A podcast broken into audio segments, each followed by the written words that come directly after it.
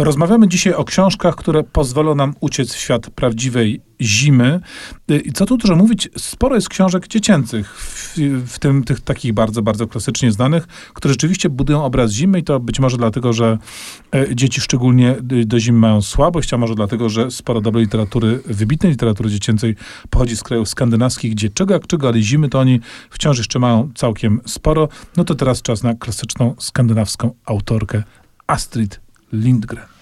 I w jej książkach zimy jest sporo. I to takiej zimy bardzo, bardzo pamiętnej. Na pewno wszyscy pamiętamy zimę z mm, dzieci e, z Bullerbyn na przykład. Bo na to jest pewno... taka po prostu prototypowa zima. W ogóle to jest prototypowe dzieciństwo. Wszyscy Jest- byśmy chcieli takie mieć i zapewnić naszym pociechom. Tak, drogi panie. Natomiast pamiętamy też fenomenalne ilustracje Ilona Wilklanda, e, który zimę skandynawską odmalował. Natomiast wydaje mi się, że najbardziej przekonujące i zapadające w pamięć obrazy zimy są w arcyksiążce, jaką jest, była i będzie Ronia, córka zbójnika. Bo to jest też bardzo taka leśna, jakbyśmy powiedzieć, outdoorowa książka.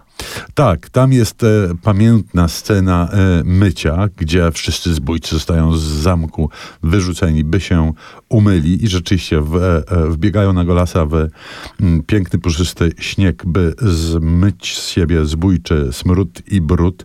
No ale też po tym śniegu Hasa, e, po tym śniegu i zaśnieżonym lesie, Hasa, główna bohaterka, bywa pogodnie, bywa słonecznie, ale bywa też oczywiście mrocznie i strasznie. To jest rzeczywiście książka, mm, której zignorować nie można, nie tylko w zimowym zresztą kontekście.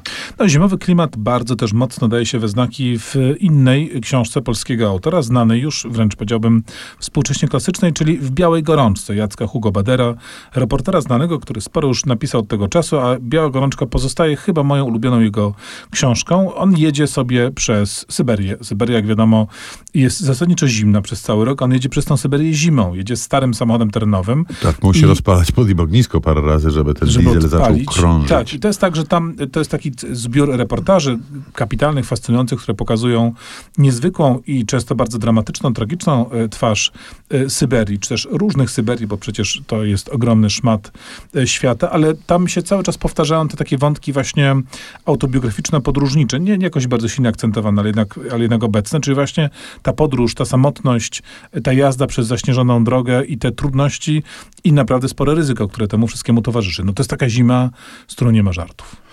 A jak już mowa o prozie autobiograficznej, to warto sięgnąć po rosyjskiego klasyka, jakim ponad wszelką wątpliwość był Konstantyn Pałstowski, znany swojego czasu i obszernie wydawany w Polsce mm, prozaik. Zresztą, jak większość sowieckich autorów przed 1989 rokiem, on był wydawany na potęgę w bardzo dużych nakładach, więc jeżeli Państwo chcieliby posiąść jego e, książki na własność, to proszę e, pogrzebać. Za kilka złotych można sobie kupić ilość, na przykład opowieści północnej.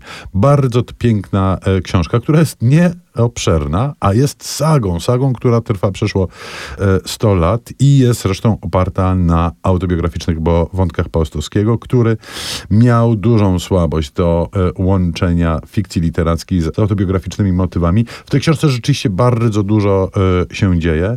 Bardzo jest ona wciągająca, mimo tego, że czas jakiś temu została napisana.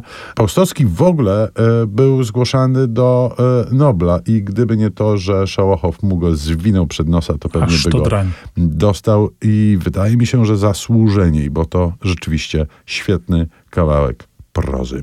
No to co, wzuwamy solidne zimowe trepy, nakładamy Czy tam rękawice. onuce, Onuce też oczywiście, nakładamy y, uszanki na, y, czapki uszatki, tak. na głowę i idziemy w śnieg, a niech nam towarzyszy w tym muzyka z innego, y, też mocno zimowego filmu. Lew, Czarownica i Stara Szafa, ekranizacja oczywiście znanej powieści C.S. Lewisa, kompozycja Harry'ego Gregsona Williamsa.